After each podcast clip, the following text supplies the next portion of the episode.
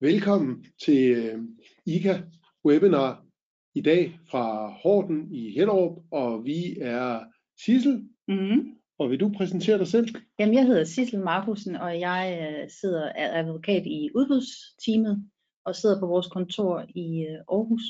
Og jeg er stand-in for Anne-Louise i dag. Ja, som har corona. Det er spændende. Ja, eller tæt på i hvert fald. Ja, Ja. og det Ja. betyder, at jeg kan sige alle de forfærdelige ting i dag om Anne-Louise, uden hun, øh, og hun sidder derhjemme og følger med, så det bedste er, jeg ved, Det hun helt og, ja. øh, og, og spyde ild, når jeg Ja. sidder og siger nogle ting, hun er uenig i. Så det vil jeg videre misbruge maksimalt. Jeg hedder Andreas Christensen, og vi har øh, i dag øh, arbejdsklausuler som, som tema. Mm-hmm. Og hvis øh, jeg lyder lidt skrutten, så er det bare fordi, jeg har lidt skrudt på halsen. Det er hverken fordi, jeg har været på druk, eller fordi, jeg har corona. Jeg er testet.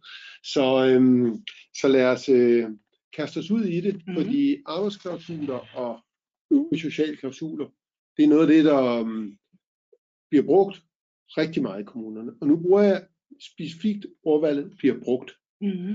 Fordi øh, jeg tror, at den sidste opgørelse, der var der op mod 90 kommuner, som havde en indkøbspolitik, hvor, øh, hvor de skulle bruge arbejdsklausuler. Øh, når jeg så siger brugt, så er det fordi, at øh, det er jo desværre meget få kommuner, som så til gengæld laver en effektiv håndhævelse. Og øh, det kan have nogle øh, kedelige sideeffekter. Mm-hmm. Og jeg vil også sige, de mange af de arbejdsklausuler, vi støder på, og nu taler, vi, nu taler jeg voldsomt generelt, de er øh, sådan nogle første generationsklausuler, som øh, siger, at man skal sikre løn- og arbejdsvilkår på vejen, uden at komme nærmere ind på det. Og det er klausuler, som jeg vil våge den påstand, at øh, de er ekstremt svære at håndhæve, hvis det ikke er umuligt. Og de bliver typisk heller ikke håndhævet. Mm. Og det er sådan lige for at sætte scenen, og det kan nogen formentlig betragte som en voldsom provo- provokation, fordi de gør det øh, langt bedre hos sig. Men, øh, men det øh, er der i hvert fald nogle steder, hvor, hvor det er det er tilfældet. Så man har sådan sat arbejdsklausulerne ind som en øh, form for politisk øh, statement. Øh, jeg vil lige ved at sige skalkeskjul, men i hvert fald statement at sige, så, har- så en ding har vi nu også, og, øh, og så får den ikke ret stor effekt ud i virkeligheden. Det tænker jeg måske er noget af det, vi gerne vil prøve at bidrage lidt til her, hvordan man kan komme skridtet videre. Men først tror jeg, vi har brug for at få defineret, er det, vi forstår ved, øh, ved arbejdsklausuler. Fordi sådan et barn, det har, øh, det har mange navne, Ja, tror jeg godt, man kan sige. ja, og nu kan man sige, at vi har primært fokus på arbejdsklausulerne i dag, men der er jo en række øvrige sociale klausuler typisk, som knytter sig til øh, de forskellige kontrakter. Og de her sociale klausuler, det er jo sådan noget, noget det mere bløde vilkår, som ikke relaterer sig direkte til kontraktens genstand, men som er sådan noget, der ligesom ligger ved siden af eller ud over, som man som leverandør skal have for øje og overholde, når man udfører kontrakten for de forskellige ordregivere. Og vi har arbejdsklausulerne, som handler om at sikre øh, de ansatte hos leverandørens vilkår, altså ansættelsesvilkår. Så har vi lærlingeklausuler, som handler om at øh, sikre, at der i kontrakten, at leverandøren forpligter sig til at øh, optage et bestemt antal elever. Mm.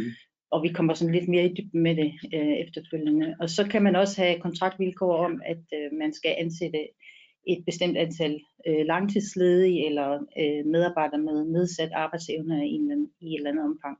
Så der er jo sådan forskellige måder at, at, at formulere de her klausuler på. Det kan også være klausuler om miljøbeskyttelse. Ja. Det kan være klausuler om fair trade. Der er sådan set mange forskellige øh, muligheder, og de spiller også rigtig meget ind i FN's verdensmål Mm. øh, og særligt verdensmål 4 og 8, som jo handler om at hæve øh, uddannelsesstandarden og sikre øh, generelt sikre arbejdstagervilkår på verdensplan. Præcis. Også 12 og 13 kan man sige. Ja. Dem, de er også nogle af dem, der, Ja. der, der spiller ind der. Ja. Men, og, og vi oplever virkelig at nogle gange, at debatten bliver lidt øh, rodet, fordi at man, øh, man har øh, man blander de her begreber sammen Mm. og, og taler om sociale klausuler, uden at være konkret på, jamen, hvad er det specifikt, vi, vi tænker på. Fordi der skal øh, helt øh, ekstremt forskellige approaches til, Ja. øh, om det er en arbejdsklausul, eller om det er en fair trade klausul. Det, øh, det kan man simpelthen ikke angribe på samme måde af vores, vores oplevelse. Mm. Så derfor er det, vi fokuserer på i dag, det er arbejdsklausuler og lærlingeklausuler. Og så, øh, øh, klausuler om, øh, om brug af, af ledige, og øh, altså dem, der ligesom knytter sig til menneskene, der skal ud på arbejdsmarkedet og have nogle vilkår og, mm. og gerne blive integreret der.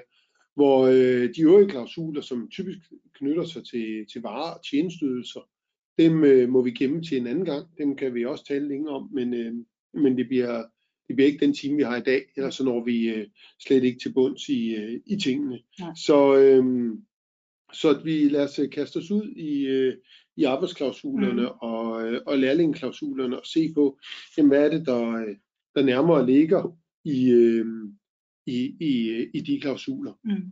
Ups, der kom jeg hoppe ind. Det gjorde jeg ikke. Der. Sådan der. Ja. For hvis vi først tager lærlingeklausulerne og praktikklausulerne, mm.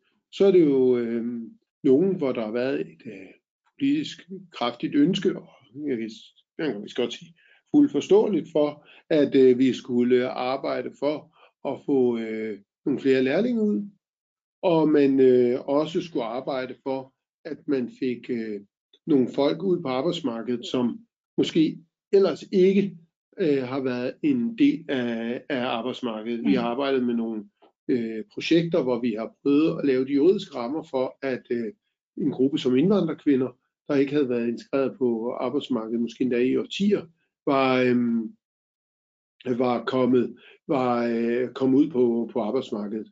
Får vi lige en kommentar mm. her. Det ville være super fedt, hvis I også gad lave et webinar om godt om klausuler, som primært knytter sig til varer. Tak for det. Mm. det øh, den, den tager vi øh, med til, til ICA og, og høre om det ikke kunne. Det, det tror jeg, der vil der sikkert være begejstring for. Nå, tilbage til, til vores, øh, vores klausuler her. Ja. Øhm, og det er jo sådan nogle øh, lidt svære klausuler. Det er også projekter, hvor jeg ærligt må indrømme, at vi har, vi har også lavet den skade, at vi har lavet opfølgning på dem. Og, øh, og det var ikke den store succesrate, vi havde, Nej. hvis vi nu skal gribe egen barm.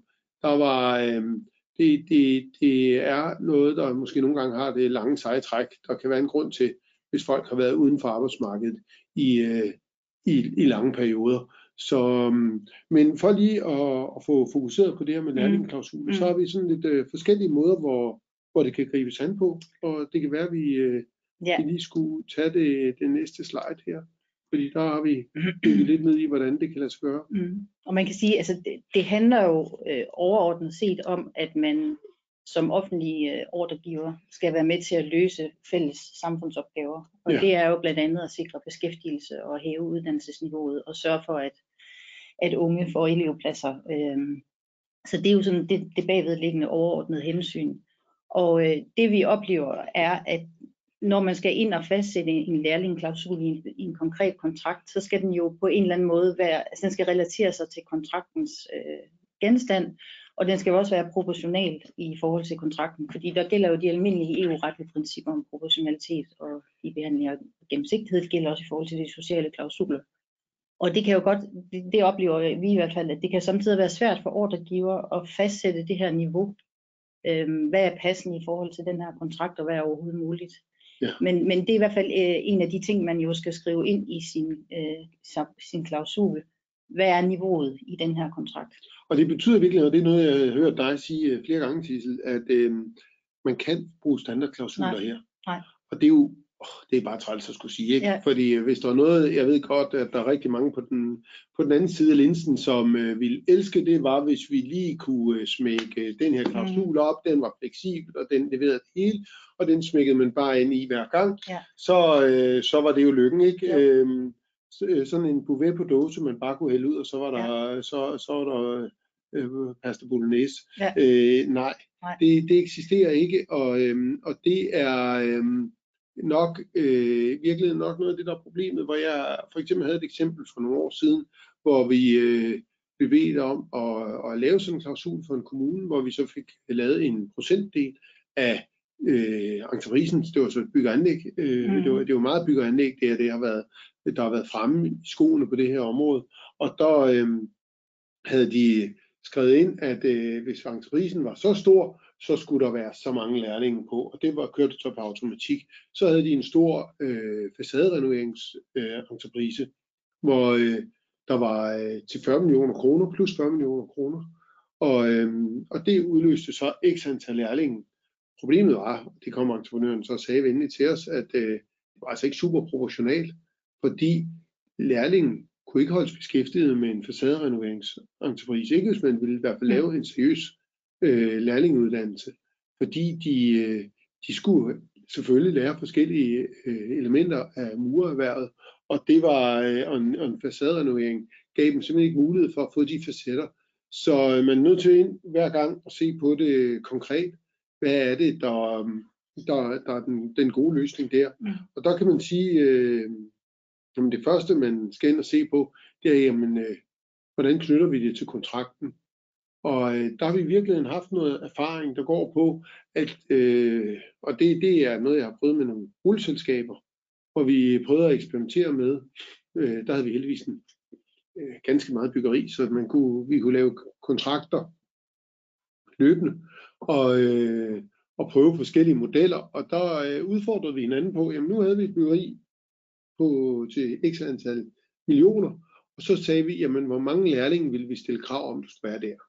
Der kom så et tal, og øh, det skrev vi så ind i kontrakten og sagde, der skulle være minimum engageret så mange lærlinge i det projekt. Så er der nogle tilsvarende projekter, hvor vi undlod at skrive tal, men skrev, at efter der var tildelingen, før der blev gået en kontraktindgåelse, så er der, tror jeg næsten i alle byggesager, sådan et møde, hvor man taler om projektopstart, og taler om kontrakt og gennemgår den, og det er altid en god ting at have sådan et møde. Og som et led i det møde, og det var annonceret på forhånd allerede øh, i forbindelse med, med udbuddet, så øh, havde man øh, skrevet ind, at øh, der skulle der komme et oplæg fra entreprenøren til, hvordan han ville få lærlingen på pladsen, og hvor mange lærlinge han ville få engageret mm. på det her projekt. Og uden undtagelse skete der det, at entreprenøren kom med et højere tal end det antal lærlinge, som vi havde tog at skrive ind i kontrakten. Det var for mig meget lærerigt, ja. fordi som jurister vil vi jo gerne skrive noget ind i kontrakterne og firkantet og med bod og, og bonus og alt muligt bestemmelser i. Men, øh, men i virkeligheden så opnåede vi et langt mere, langt større effekt, samfundsmæssig effekt, ved at, øh, at lægge det ind som en dialogklausul. Mm. Og det har måske gjort, at vi lige netop på det her område har bevæget os mere i retning af nogle dialogklausuler, men måske også, hvor vi på forhånd har gjort os fast, hvad vil det et minimum, vi accepterer at være, øh, men som vi ikke offentliggør, øh, som vi tager i dialogen med mm. dem. Øh, og så, øh, og så får vi på den måde integreret øh, lærlinge i kontrakterne i et, øh, i et ganske vidt omfang. Mm. Så det, det har været en... Nu har jeg så lige på de, de seneste byggesager, vi har haft, simpelthen oplevet, at entreprenørerne kom tilbage og sagt, at det har ikke været muligt at skaffe lærlinge. Nej. Det er jo en ny situation. Ja. Det var ikke det, vi havde for få år Nej. tilbage. Det viser også, hvordan man er nødt til at være løbende fleksibel. Ja. Fordi det er jo en ærlig sag. Altså hvis de ikke... Øh, og det fik vi også tilbagemelding fra de tekniske skoler, da vi spurgte dem, at det, jamen, der var ikke øh, folk, der i hvert fald inden for de pågældende erhverv, jeg skal ikke sige det generelt, det er ikke, det er ikke til tilstrækkeligt indblik i markedet til. Men inden for de konkrete erhverv, der var der simpelthen ikke øh, øh folk, der manglede lærlingepladser. Så, øh, så har vi faktisk øh, været ude og, øh, og konvertere det til øh, nogle andre øh, projekter, for eksempel at øh, det skulle være øh, det konkrete sociale byggeri. Der var der lokale indvandrerkvinder, som så kunne få øh, job med at gøre rent i skurvognene og andre ting, mm. hvilket igen øh, jeg har også hørt fra andre entreprenører, sådan nogle som øh, Ingemar Petersen, som gør det virkelig godt på det her område. De har øh, ved at, det er ikke noget, vi har været involveret i, skal jeg med det samme sige, for ikke at, at smykke os på lånte fjer, men øh, de har prøvet også at ansætte øh, lokale indvandrerkvinder til, og, øh, til rengøring i skurvognene, hvilket har gjort, at de har haft en oplevelse af, nu jeg håber, jeg, jeg gengiver det, jeg har har ladt mig fortælle rigtigt, at, øh, at øh, kriminaliteten og, og øh, indbrudene på øh, byggepladsen er blevet mindre. Og, det, og herværk og hvad de ellers har været udsat for, det er selvfølgelig ikke, fordi de lokale indvandrerkvinder lavede det, men det kan være, at de har nogle sønner, som føler lige pludselig, at de har et større tilknytning til den pågældende byggeplads. Det ved jeg ikke, det er min gidsning, men det kunne være en tanke, øh, fordi at de pludselig gør deres mor rent dernede, og så er der altså ikke der, man går ned og laver herværk. Så på den måde kan det have utrolig mange øh, positive effekter. Øhm, ja, og det, så, ja. altså, det understøtter jo meget godt det her med, at det er en rigtig god idé at have fleksible klausuler, og ikke trække de samme standarder ned over alle sine kontrakter. Ja. Men, øh, men jeg er også godt klar over, at det, det er en udfordring øh, ude i kommunerne og regionerne, fordi det er jo typisk sådan, at øh, sådan en, en arbejdsklausul eller en social klausul har været igennem politisk behandling, har været igennem et regionsråd og en kommunalbestyrelse. Ja. Og så er det rigtig svært bare ja, at gå ind og ændre en sætning eller et komma.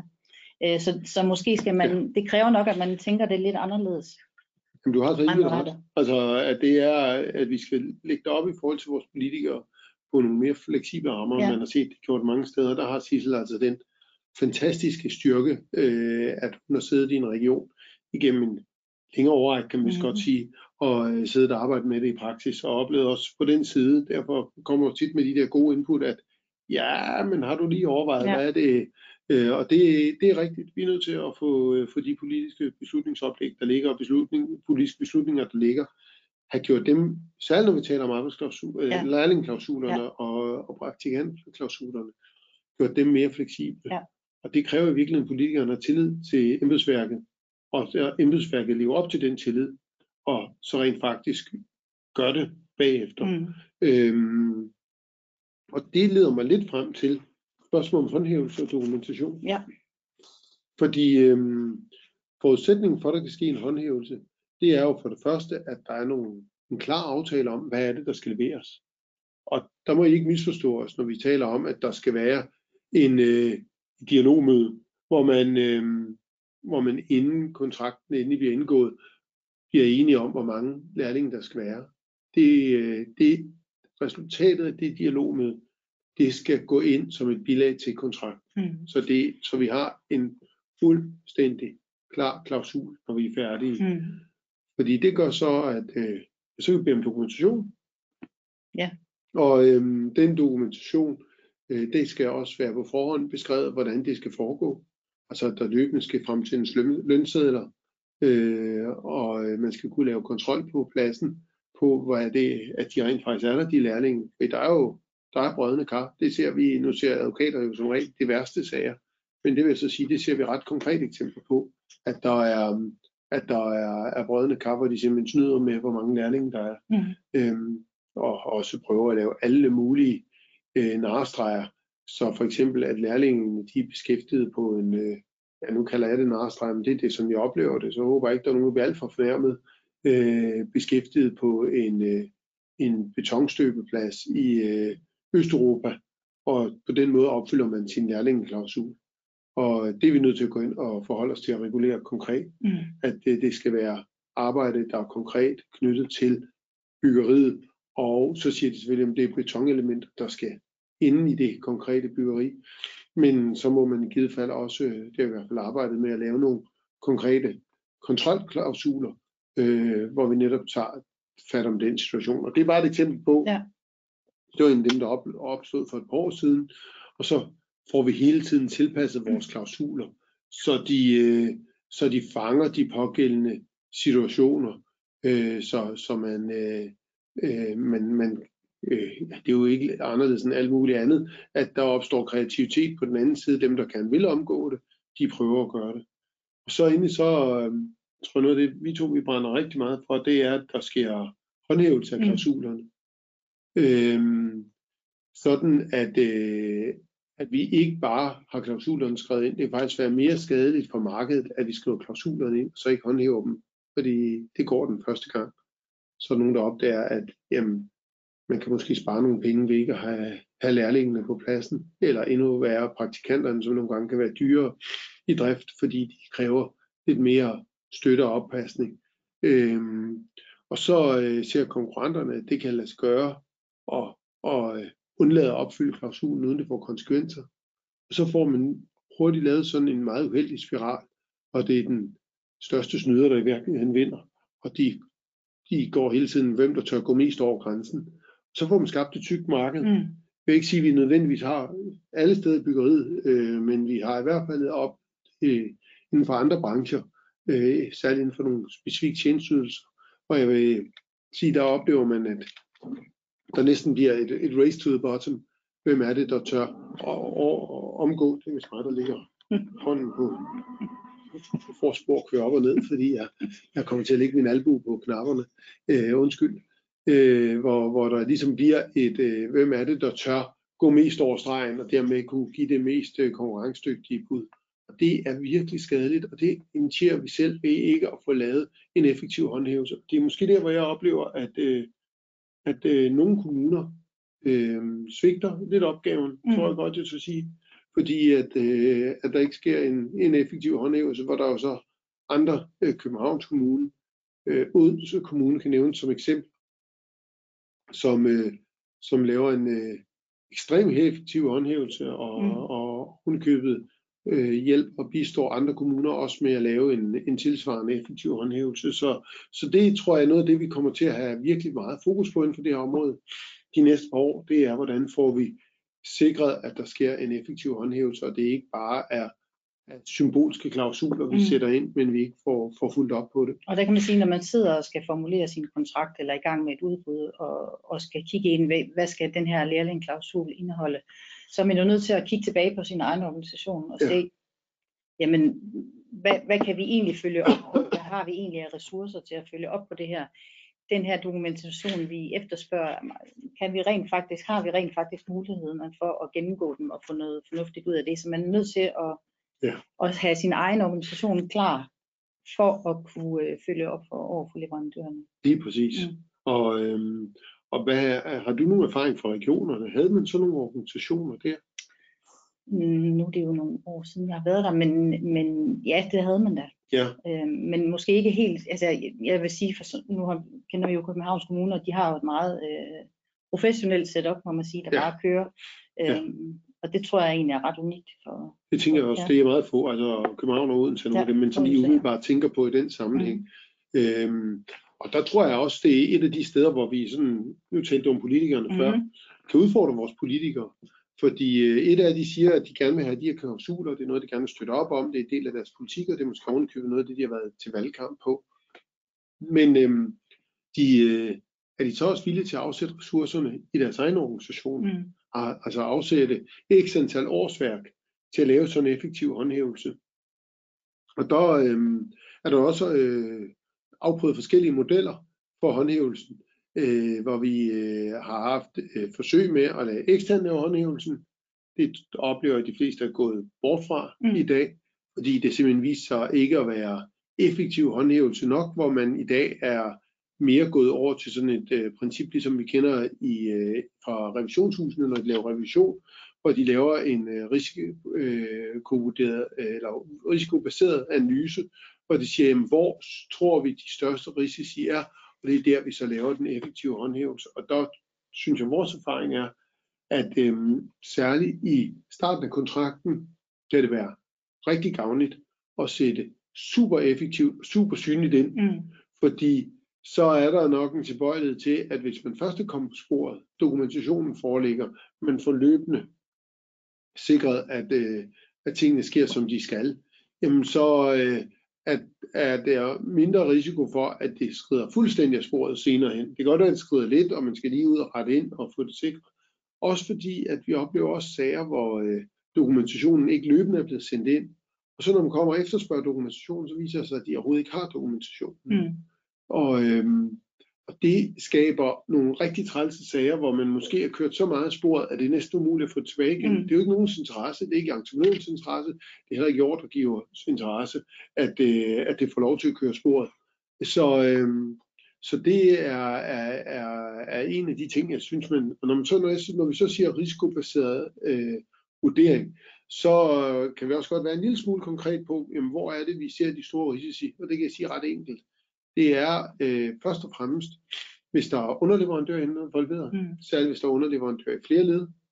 Og så er der også øh, en større risiko forbundet. Det er ikke udelukkende tilfældet, øh, men, øh, men det kan også være en del af, af situationen, hvis at øh, der er udlandske entreprenører involveret i projektet. Mm. De har sådan sværere ved at forstå, hvad det er, vi forventer. Ja. Så der skal det måske være mere eksplicit i starten, hvor man virkelig går ud fra første dag af og siger, vi skal se dokumentation, så de ligesom forstået rytmen og forstået, hvad det er, der forventes. Ja, man kan sige, når man sidder som, som udbudsansvarlig for et udbud, så skal man i virkeligheden, og det tænker jeg gælder både lærlingeklausuler og arbejdsklausuler, mm. altså kig, se ind i, hvad er det for et marked? Altså, ja. altså, hvad er det for en type leverandør? Er det leverandør, som er fuldstændig vant til det her og, og givetvis har øh, øh, organisationen, der kan håndtere det og imødekomme ja. det, eller er det, er det nogen, der måske meget sjældent byder ind, noget der sjældent udbydes, øh, som måske slet ikke har det setup, der skal til. Øh, der tænker jeg i hvert fald, der, det er man også nødt til, så det kræver faktisk i virkeligheden ret meget forberedelse i forbindelse med udbuddet, og tænke de her ting igen. Præcis. Godt. Mm. Så øhm, er der et, øh, et følger på klar princip. Ja. Og øhm, jamen, hvad der ligger i det? Jamen, der ligger i det, at øh, øh, der er ikke en pligt til at øh, øh, stille krav om et bestemt antal lærlinge, eller krav om, at leverandøren skal øh, antage lærlinge. Men øh, der gælder en forpligtelse til at forklare, øh, hvorfor man ikke har det med i sin kontrakt hvis man har, ikke vælger det som ordregiver ikke at have det med. Og der har, øh, altså det, det er en, en øh, forpligtelse, der har hjemmel i økonomiaftalen fra 2014 og finansloven fra 2013, og den er så blevet øh, justeret efterfølgende, og der er blandt andet kommet øh, nogle tærskelværdier for, hvornår det her følge eller forklar, princip gælder, fordi det, det gælder selvfølgelig ikke alle små kontrakter, som, ja. ikke, øh, som løber over kort tid. Så der har man ligesom sagt, jamen bygger anlægskontrakter og tjenestydselskontrakter, som løber i mere end 6 måneder, og som har en værdi på over 5 millioner. Ja. De er omfattet af det her følge eller forklare princip. Øhm, og jeg, nu gør vi jo lidt en dyd ud af på de her webinars og, og sige tingene lidt, lidt ærligt. Mm. Og øhm, hvis jeg skal være helt ærlig, så er min oplevelse, at øh, det er noget, der kun i øh, mindre omfang har nogen som helst reel effekt. Ja.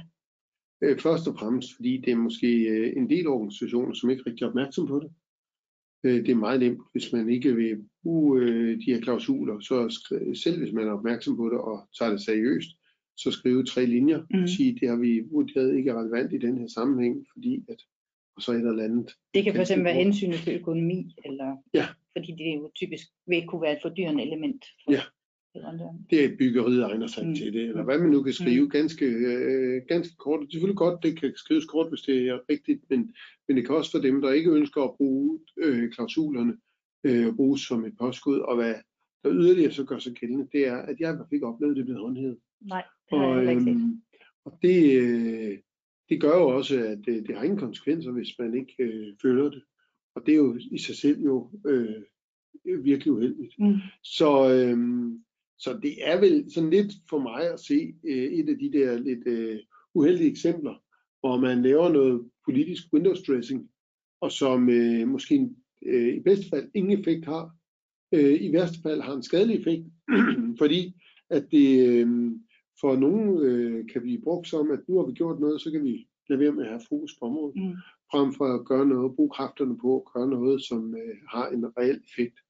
Så øh, så den er, øh, den er, øh, øh, den, den er, er relativt uheldig, og så bliver vi spurgt om, om der blot skal ligge et notat, hvis nogen spørger, og øh, det er, øh, kan jeg svare helt entydigt på, ja, og der er ikke engang noget særligt krav til det notat. Mm. Så øh, for, altså, elementet forklar, hvis man ikke følger, det kan, det kan bare være et, øh, et, øh, tre eller ti linjers notat hvor man, øh, hvor man lige redegør for tingene. Ja. Så det er, øh, det er sådan en, hvor jeg tror, der har været nogle politikere, der kunne gå ud efter og slå sig på brystet og sige, nu har vi gjort noget, en stor forskel. Og det, øh, det tror jeg godt sige, det har, det har man altså ikke gjort i det her princip. Det er den oplevelse, jeg har ude i, i markedet. Øh, så, så lidt uheldigt. Men jeg tænker, at et, sådan et, et notat er en god idé. Det, der egentlig står i vejledningen, det er, at en ordregiver skal skrive det på sin hjemmeside. Det tror jeg må være sådan øh, lidt et levn for, tidligere tider. Ja. Det, har jeg i hvert fald ikke set, Nej. som der gør. Nej, det mm. kunne faktisk være sjovt at få en student til en dag og prøve systematisk ja. at gennemgå hjemmesiden ja. og se, om vi kan finde nogen øh, et sted. Det vil jeg ikke udelukke, at øh, det kunne give nogle, nogle spændende data. Nej. Men øh, ja, Øh, det kan godt være, at vi skal bruge vores kræfter på noget mere forretningsorienteret, så vi også skal betale husleje. Men det var, det var fristende at, at bruge lidt, lidt fritid på det. Nå, øh, så får vi et spørgsmål øh, på så vidt angår effektiv kontrol af arbejdsklausulerne er blevet mødt af, øh, med hovedsynspunktet, at den opgave ligger trygt og godt ved fagforeningen, hvorfor der ikke er grund til at opruste eller øh, sætte egen kapacitet bag kontrollen. Og tak øh, for det spørgsmål, fordi øh, det kan jeg med fuldstændig ro i stemmen sige, at øh, det er ikke tilstrækkeligt at lade fagforeningen stå for mm. den opgave. Øh, fagforeningerne er, øh, øh, er ikke effektive på det her område, desværre. Fordi vi har faktisk arbejdet rigtig meget med at prøve at få dem spillet på banen. Vi har også haft et rigtig frugtbart og tæt samarbejde med f.eks. 3F øh, i, forskellige, i forskellige sammenhænge her. Men øh, ude lokalt er de øh, simpelthen i meget forskelligt øh, bestykket og har ikke ressourcerne til at kaste sig ind i projekterne.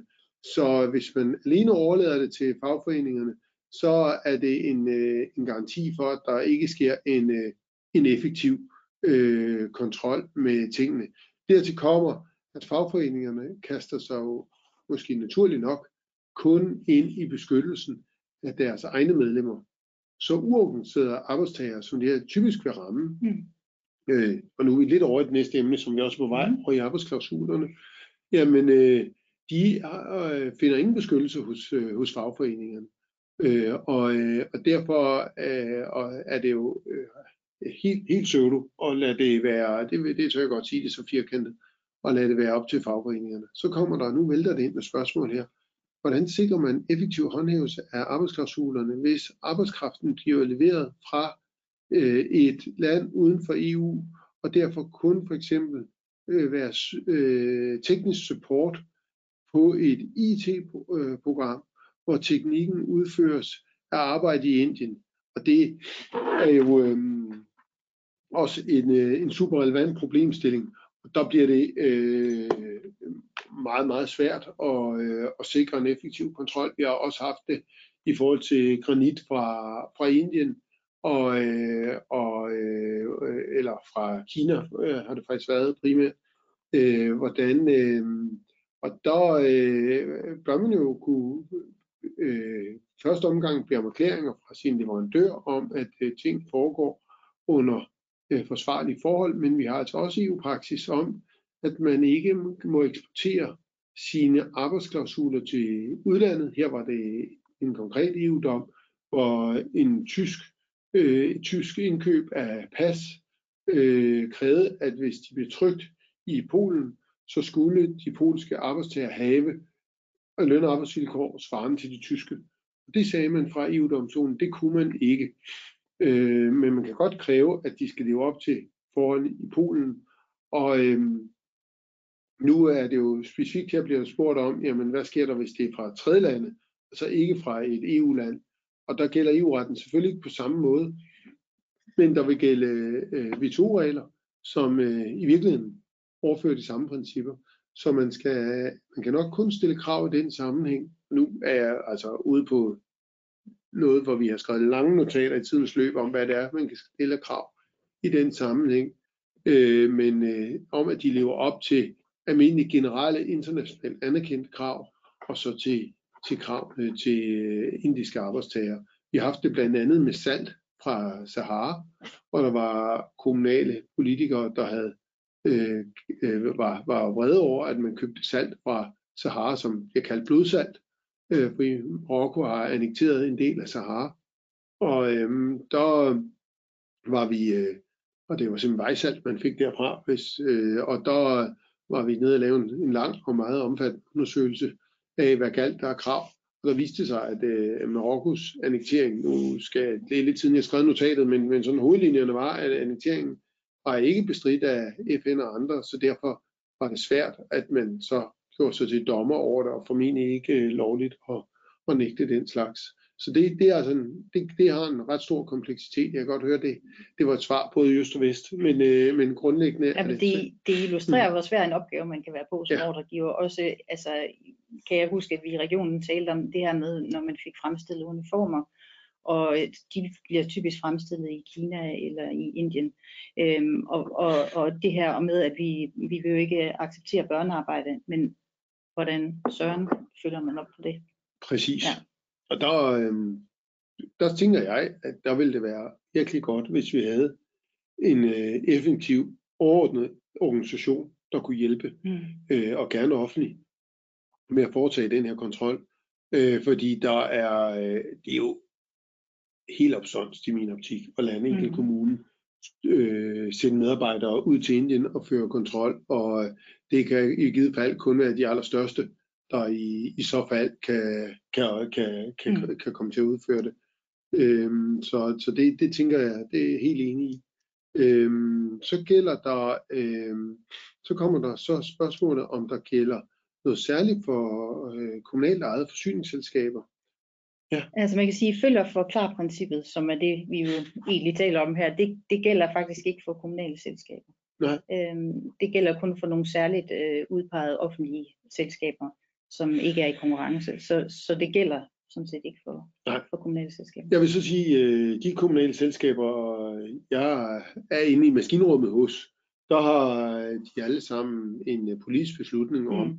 at de skal følge de samme principper ja. som kommunen, hvilket giver jo super god mening, fordi det typisk er godt og ondt øh, kommunale interessevaretagere, der sidder i form af politikere i deres bestyrelser, og det er nok relativt svært, hvis du sidder på rådhuset og, og, og kræver øh, en standard, mm. så ikke at kræve den en tilsvarende standard, når du sidder i bestyrelsen for, for de kommunale selskaber. Så øhm, i praksis gør det ikke den store forskel, for der bliver de underlagt de samme principper, men retligt er der ikke det samme krav. Øh, så, så derfor øh, øh kan vi, ja, det var der faktisk to, der havde stillet mm. spørgsmål om lige, øh, lige samtidig. Det var meget sjovt. Godt. Nu skal vi videre over til, det, nu er vi jo allerede dybt inde i arbejdsklausulerne, ja, ja. men øh, i, øh, ja. Men man kan sige, et af, et af de hovedspørgsmål, vi skulle kigge på i dag, det ja. er jo, hvordan, øh, hvordan skal man udarbejde sin øh, arbejdsklausul? Altså, mm. hvordan ser en god arbejdsklausul ud? Og man kan sige, der er jo i hvert fald nogle punkter, den skal indeholde. Det handler jo altså helt grundlæggende om at sikre øh, de lønmodtagernes øh, arbejdsvilkår ja. i forhold til arbejdstid øh, med, og løn. Øhm, så det man i hvert fald skal have i sin arbejdsklausul, det er jo, at man skal referere til et eller andet sammenligningsgrundlag. Øhm, hvad gælder på det Præcis. her område.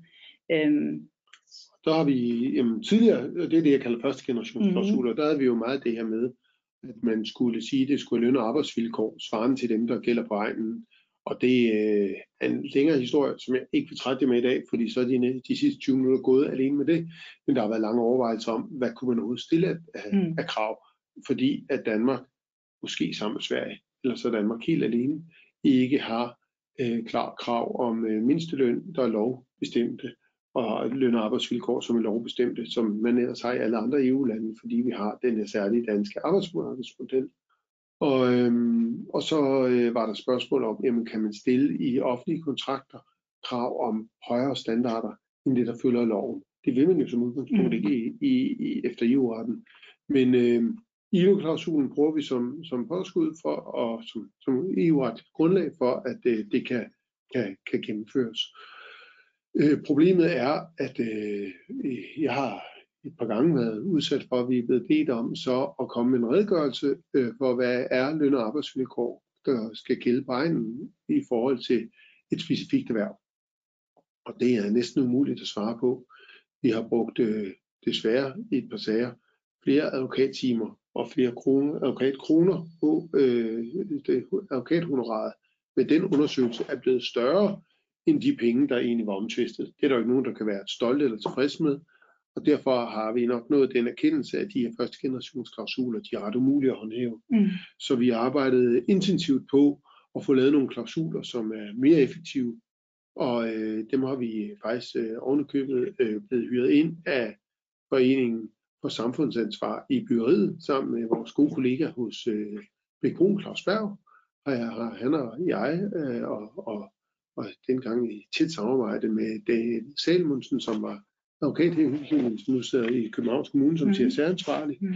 øh, siddet og, og draftet de kontrakter, og, eller de øh, klausuler, som vi var i dialog med både fagforening og, og øh, byggeriets parter om at få øh, opnå en enighed om. Og jeg tror, vi sidst har talt om, at vi, vi vil initiere, at de kan blive sendt ud øh, herefter, så I kan finde dem, hvor de ligger, hvor man er mere end villige. Altså, vi har jo det princip her i huset om ingen gode jurister uden saks og klister, og det betyder, at man gerne må stjæle og håbe fra andre, hvis de har lavet noget godt. Mm-hmm. Øh, det er faktisk det eneste begavet at gøre.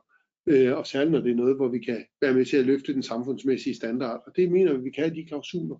Fordi vi har skrevet ind som klausul, at øh, selvfølgelig er løn- og arbejdsvilkår svarende til egen, men det man forstår som tilbudsgiver, ved det skal man beskrive sit tilbud, hvordan man har tænkt sig at lave en effektiv sikring af, at det bliver gennemført, også hos underleverandører. Og så skal man komme med sit tilbud med et oplæg dertil, og nu hopper jeg måske en lille smule, jeg hopper jeg lidt for langt frem i vores slides. Ja, men ja, altså, men, ja. Jeg fornemmer lidt på dig, at du... Øh, ja, Ej, men hvis vi lige skal Ja. gå tilbage til, hvad, hvad, hvad er det for nogle punkter, som en arbejdsklausul Ja. bør indeholde, ud over det her reference? jamen, jeg kan godt mærke, at jeg bliver grebet af Ivon for at fortælle om, om hvor, hvor, hvordan man operativt Ja, fik det ind. Du skal nok få lov. tak. Øh, men så skal det jo også indeholde øh, bestemmelser om kædeansvar, og det, Mm. det tænker vi efterhånden, der er i, i langt de fleste øh, arbejdsklausuler. Ja, det er jo egentlig sjovt, altså, når man oplever udviklingen inden for sådan et retsområde. Mm. Fordi øh, kædeansvar var noget, der tidligere kunne få folk helt op at ringe. Ja. Jeg har aldrig forstået den diskussion, det skal jeg indrømme. Nej, altså- altså, fordi det er jo helt sædvanligt, at man som, som hovedleverandør har ansvaret for sin underleverandør. Fuldstændig. Så- Altså hvis I kommer og bestiller et notat hos mig, jeg skriver det, jeg beder Sissel om at levere til det, så kan jeg ikke dække mig af med, at øh, hvis notatet er forkert, det var Sissel, der havde skrevet det. Mm. På samme måde, hvis jeg I går ud og bestiller et byggeri hos en entreprenør, at han så skulle kunne hoppe fra sit øh, kontraktuelle ansvar ved at sige, at det var en underleverandør, der havde leveret det. Det har ikke kædeansvar. Det er helt sort for mig, Ja. den diskussion. Ja. Der har vi haft øh, ophedede diskussioner med dansk byggeri, men jeg, jeg tror, den er, den er død nu. Den Det er, tror jeg også. der jeg er tror, det så accept af det. nu, Ja. Ja. Øhm, og så skal, så skal der også være en, be, altså, øh, en beskrivelse af, om man som ordregiver kan tilbageholde vederlag over for leverandøren, hvis der er konstateret øh, overtrædelse af arbejdsklausulen. Så skal der være en ret klar beskrivelse af de dokumentationskrav, man stiller til leverandøren. Altså hvad er det for nogle oplysninger, man skal have som Mhm. ordregiver for at kunne kontrollere, at arbejdsklausulen er opfyldt. Øh, og så skal der være bestemmelser om bod, Mm. Øhm, hvornår i gang sættes boden, og hvad kan afbryde boden, der, der har vi i hvert fald konstateret, at det er rigtig vigtigt at være præcis på det. Øh, og så skal det også fremgå, om det kan have andre kontraktretlige konsekvenser. Altså er det i sidste ende noget, der kan føre til, at, at kontrakten ophæves. Og bodsbestemmelsen er en den, vi arbejder Ja. ja. meget aktivt med i øjeblikket, øh, også i nogle konkrete sager, Mm. øh, fordi øh, balancen er der, at det skal være en effektiv bod, så når man beder om dokumentation og ikke får den, så skal det gøre ondt.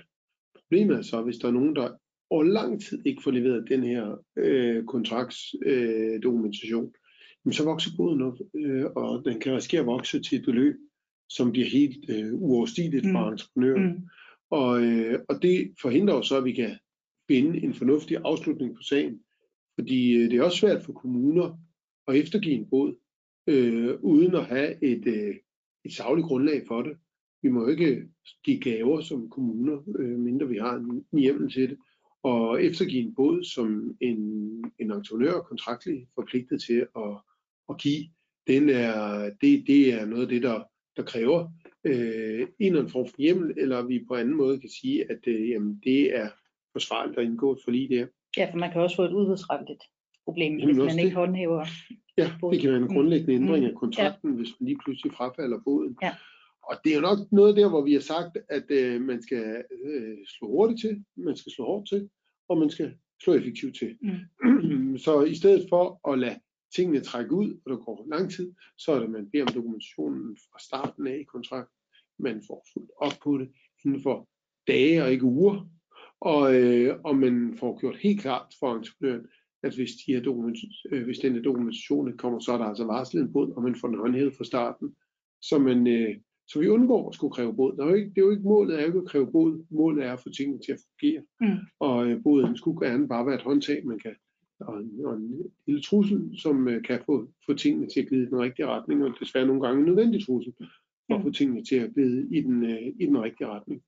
Og noget, altså noget af det, vi har talt med nogle af vores klienter om, det er det her med, at øh, det kan i virkeligheden være en rigtig god idé, både for, i forhold til sin egen organisation, men også i forhold til leverandøren, og at have en del vejledning omkring det her område. Altså at man internt har for eksempel en drejebog for dem, hvordan, hvordan kører vi det her, øh, de, de her kontroller, øh, hvordan følger vi op, hvordan indhenter vi dokumentation, altså simpelthen have nogle paradigmer eller nogle brevskabeloner, sådan, så, man, så man kører det efter den samme. Ja. øh, styringsmodel. Øh, men i virkeligheden tror jeg også, det kunne være en rigtig god idé med noget vejledning til leverandørerne, og særligt de der små leverandører, som ikke er vant til det her. Øhm, simpelthen, så de får en forståelse af, hvad handler det her egentlig om, hvad er formålet, ja. øhm, og hvad skal I gøre jer klart, at I skal levere. Nogle gange en vejledning, som måske er kommunikeret på anden måde, end i den måde, vi to er gode til ja. at kommunikere på ja. i kontrakter. Ja. Øhm, fordi øh, vores oplevelse er, at de små leverandører ikke nødvendigvis læser kontrakterne. Det må man bare sige, mm. og de forstår dem jo ikke mm. nødvendigvis. Så, så der er brug for, at man går ind og finder andre kommunikationsformer. Det kunne for eksempel være i form af en øh, lille YouTube-video, eller, mm. eller endnu bedre et fysisk møde, hvor vi siger, nu er der kontraktsopstart. Skal, går vi kontrakten, og noget af det, vi går meget op i, det er, at vi får dokumentation for, at de her arbejdsklausuler er, er overholdt, og det, du har lovet, øh, rent faktisk også sker. Og det forventer vi at få i form af lønsedler, og de skal sendes øh, med jævn mellemrum, og, øh, og så videre, så videre, så videre. Og man kan eventuelt sætte systemer op, hvor der er direkte adgang til at se øh, arbejdsklausulerne.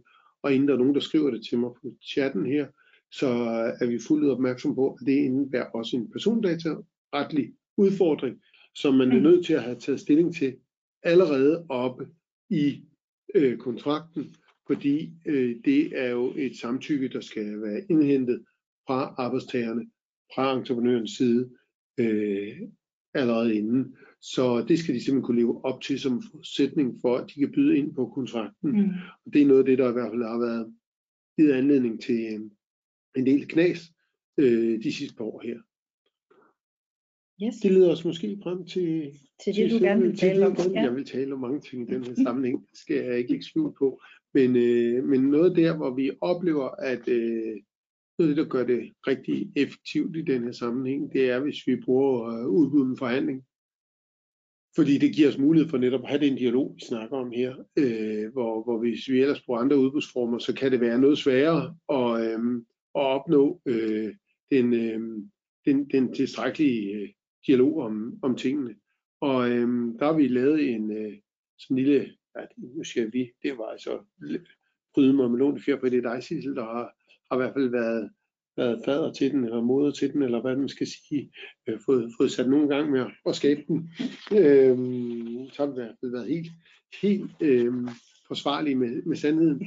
Men øh, hvor man starter med at sige, jamen, øh, der i det, allerede det, man laver udbudsmaterialet, for jeg håber, man kan se min, min pil her, altså det er, en udbud går i gang, jamen der får man øh, udarbejdet nogle øh, arbejdsklausuler, som så bliver vedlagt som et bilag til udbudsmaterialet.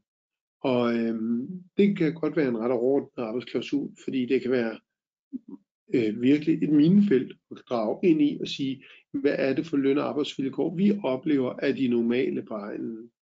Øh, det er, så kaster man sig ind i en kamp mellem øh, de forskellige fagforeninger, de kristelige og, og de, de almindelige fagforeninger, hvad man nu skal kalde dem. Mm. Øh, sikkert allerede sagt noget forkert der. Men øh, der får man kastet sig ind i en kamp, som man på ingen måde ønsker at være en part i. Øh, så, så der, øh, vil, der er vi øh, tilbøjelige til at være forholdsvis ordnet og siger, at man skal holde lidt fast i de der almindelige formuleringer om, at det skal være løn- og arbejdsvilkår på egen. Man kan måske endda gå ind til at sige, at det skal være svarende til de mest udbredte øh, øh arbejds, øh, eller overenskomster på, på det pågældende område. Øh, og så er man igen klar gang med en diskussion, men det, det kan man skrive, det er det for, fremgår af øh, udstationeringsdirektivet, den formulering, så det er derfra, vi har, har lånt den, så den har i hvert fald også en vist retlig legitimitet. Men det betyder så, at der også står i udbudsmaterialet, at tilbudsgiveren skal indsende sammen med sit tilbud en redegørelse for, hvad er det, der, øh, der ligger i den pågældende arbejdsklausul. Hvordan er de forstår den, og hvordan har de tænkt sig at overholde den. Der oplever vi, at i øh, langt over 90% af tilfældene, for ikke næsten at sige 100% af de tilfælde, hvor vi har, hvor vi har brugt den, at øh, entreprenørerne kommer og siger, at de vil overholde en bestemt overenskomst, og så har vi opnået så meget af det, vi vil nå, fordi så har vi ligesom fået en klar baseline, øh, som vi kan arbejde med til og måle, om de lever op til kravene bagefter. Mm-hmm. Så vi får noget, der er meget mere målbart. Lige pludselig skal vi ikke til at diskutere om betalt frokostpause, eller øh, betalt arbejdstøj, eller hvad det nu er. Om det er normale vilkår på, øh, inden for egnen, fordi så kan vi bare gå ned og sige, at du sagde, du vil overholde den overenskomst.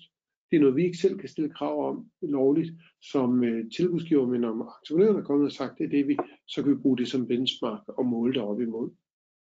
Så der har vi så nogle, og også en fast praksis fra arbejdsretten, hvor vi kan læne os op af at sige, jamen, hvordan skal de her klausuler forstås?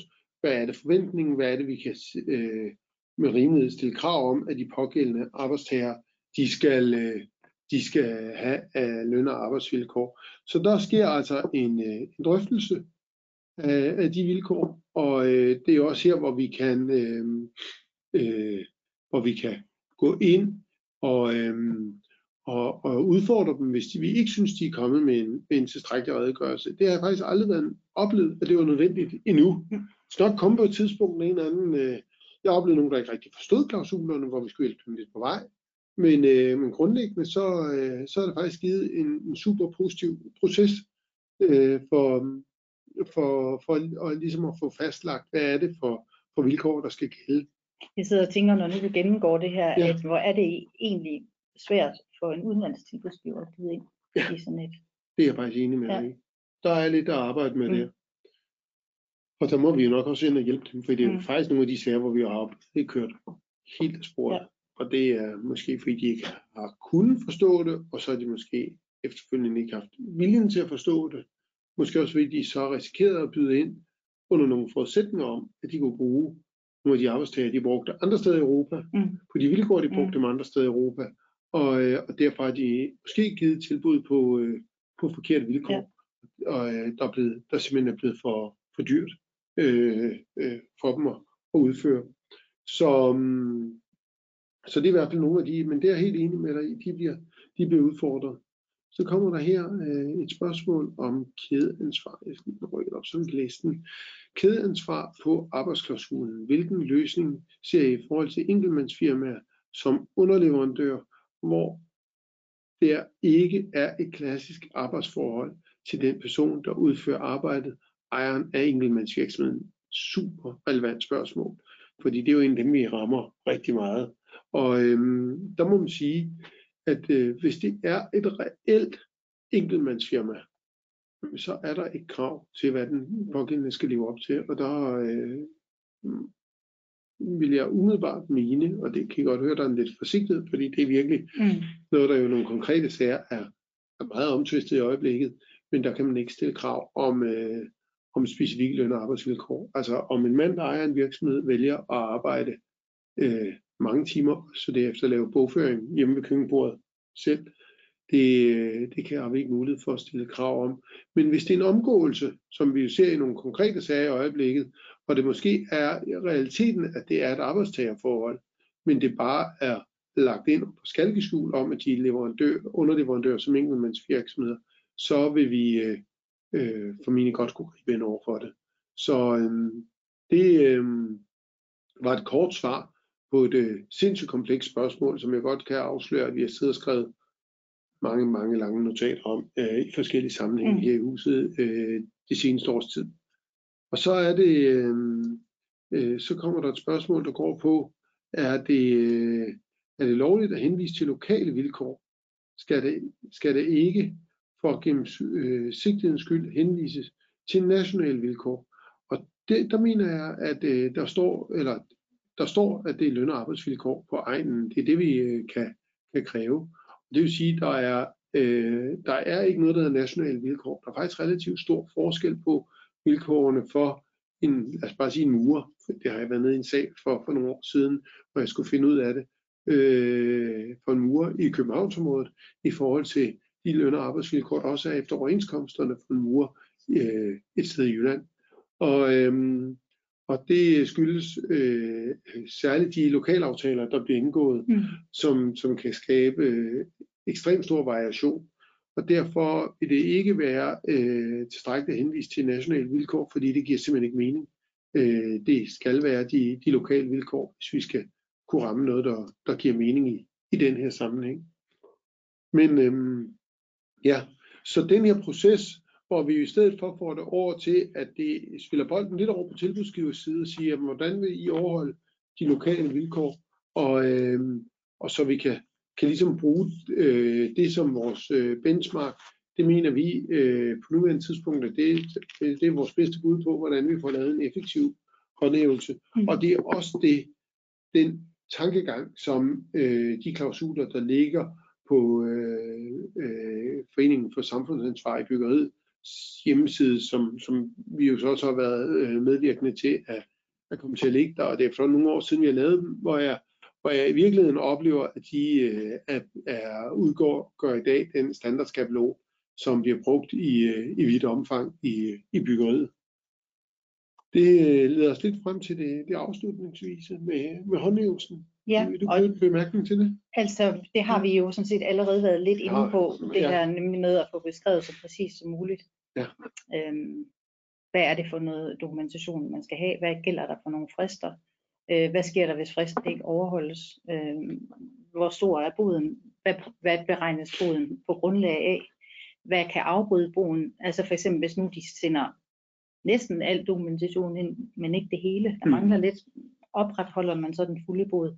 Altså, man kan jo i princippet tilrettelægge det, som man gerne vil, øh, men det er bare rigtig vigtigt, at øh, både for en selv og for leverandørerne, at det er præcis beskrevet. Ja. Sådan, så det egentlig bare følger sådan et flowchart her. Så kommer Louise som et spørgsmål, som er, er virkelig skarpt. Læs på lektien. Hvad så øh, i forhold til Lavaldommen øh, og en formulering om lokale vilkår? Og der sætter du simpelthen, stikker du fingeren lige ind i blødende sår. Fordi hvordan bliver Lavaldommen, og det, dem der ikke kender den, så er det en dom, der går lige netop øh, på, på den her situation fra EU-domstolen, om øh, i hvilket omfang man må stille klausuler om, at det, der skal være særlige lokale forhold, øh, skal opfyldes. Og, øh, og så tvinger du mig alligevel lidt ind i den subkort version af det lange EU-retlige foredrag. Fordi når vi bruger løn- og arbejdsvilkår på egnen, så er det fordi, det er for den her ILO-klausul, som øh, Danmark har indgået, før vi vi indtrådte i øh, EU i 1972-73. Og, øhm, og det følger af EU-retten, at ting, man har tiltrådt inden, har man stadigvæk ret til at, øh, øh at opfylde sine forpligtelser i henhold til, når, øh, når de øh, øh efter man er kommet ind i EU. Og det øh, har jeg simpelthen en god ven, der har skrevet en, øh, en disputat om, og min kone har faktisk øh, skrevet special om det i sin tid. Så det kan man bruge lang tid på at, at, øh, at diskutere de nærmere detaljer om. Men faktum er, at det er på baggrund af den praksis, at vi siger, at løn og arbejdsvilkår gælder på. Om det gælder i forhold til, øh, om det vil holde hele vejen ved EU-domstolen, det øh, tør ingen svare på, og øh, heldigvis har vi ikke haft sådan en sag. Så vi ved ikke, om Lavaldommen den, øh, øh, den, kommer, den kommer i spil i, øh, i den sammenhæng på, på den måde. Vi har ikke så meget tid. Nej, til sidst vi måske lige skal sige for, men så har vi også øh, noget flot igennem øh, hele materialet, ja. vil jeg sige. Men det er at følge forklare princippet i forhold til arbejdsklausulerne, og der kan vi bare sige. Det gælder ikke. Nej. Nej. Der er... Men det er der noget, der er fokus på, og øh, øh, vi har her henvist til en øh, rapport fra Rigsrevisionen, som har øh, kigget på statens indkøb og, øh, og kommer med sådan en ret kras kritik i forhold til øh, at øh, mængden af udbud og kontrakter, hvor der er stillet krav om arbejdsklausuler, den er utilfredsstillende lav. Så det er sådan en rimelig ja. klar kritik. Så det er jo altså, noget, der... Vi overrasket, hvis det ikke var noget, der kom noget politisk øh, Nej. initiativ på Nej, nu her øh, på bagkanten af mm. kommunalvalget mm. og, øh, og, og de næste øh, øh, finanslovsaftaler. Mm. Så øh, det, det kunne man meget, meget vel forestille sig. Godt. Ja, og til sidst, så, så er der lige de her platformsvirksomheder, vi lige kort ja. kan sige om, og det er, jo, det er jo i virkeligheden måske også lidt det, det, var det der lige det også spørgsmål, spørgsmål gik på. Ja, ja, præcis. Nemlig det her, hvor øh, øh, vi ser de her virksomheder, som baserer sig på en eller anden øh, IT-platform, og som så har en række ja, medarbejdere er det jo egentlig ikke, men en, en række personer, som udfører arbejde for dem. Og udfordringen er, at de er ikke rigtig ansatte, de her personer. Ja. Det er for eksempel Volt øh, ja. eller øh, Uber. Ja. Øhm, øh, som de er ikke rigtig ansatte, og der er ikke, hvad hedder det, dem, dem der har platformvirksomheden, de er heller ikke rigtig arbejdstager. Men, men det ligner jo alligevel et almindeligt ansættelsesforhold. Så derfor er der jo også nogle af de her virksomheder, som faktisk for eksempel Uber, øh, til sidst har måttet kapitulere og indgå øh, en overenskomstaftale. Ja, så røg de ud af det danske, arbejds, øh, danske marked af helt egen taxalovgivningen. Ja, ja, det, det er nogle af dem, der virkelig udfordrer den danske model. Ja. Øh, og hvor det nok var nemmere, hvis vi havde en lov, der sagde, at at der var en minimumsstandard, Men øhm, på mange måder. ja. godt. Mm. Jeg tror, det bragte os Ja. øh, til vej til ende. Så øh, tusind tak, fordi I fulgte med, og øh, super fedt med, øh, med alle jeres øh, gode spørgsmål. Og vi har noteret os, at øh, vi måske skal overveje også at lave et om varer og tjenestydelsesindkøb ja. på, et, øh, på et tidspunkt. Mm. Så øh, den er taget med videre. Så tak for den gang. Tak for nu.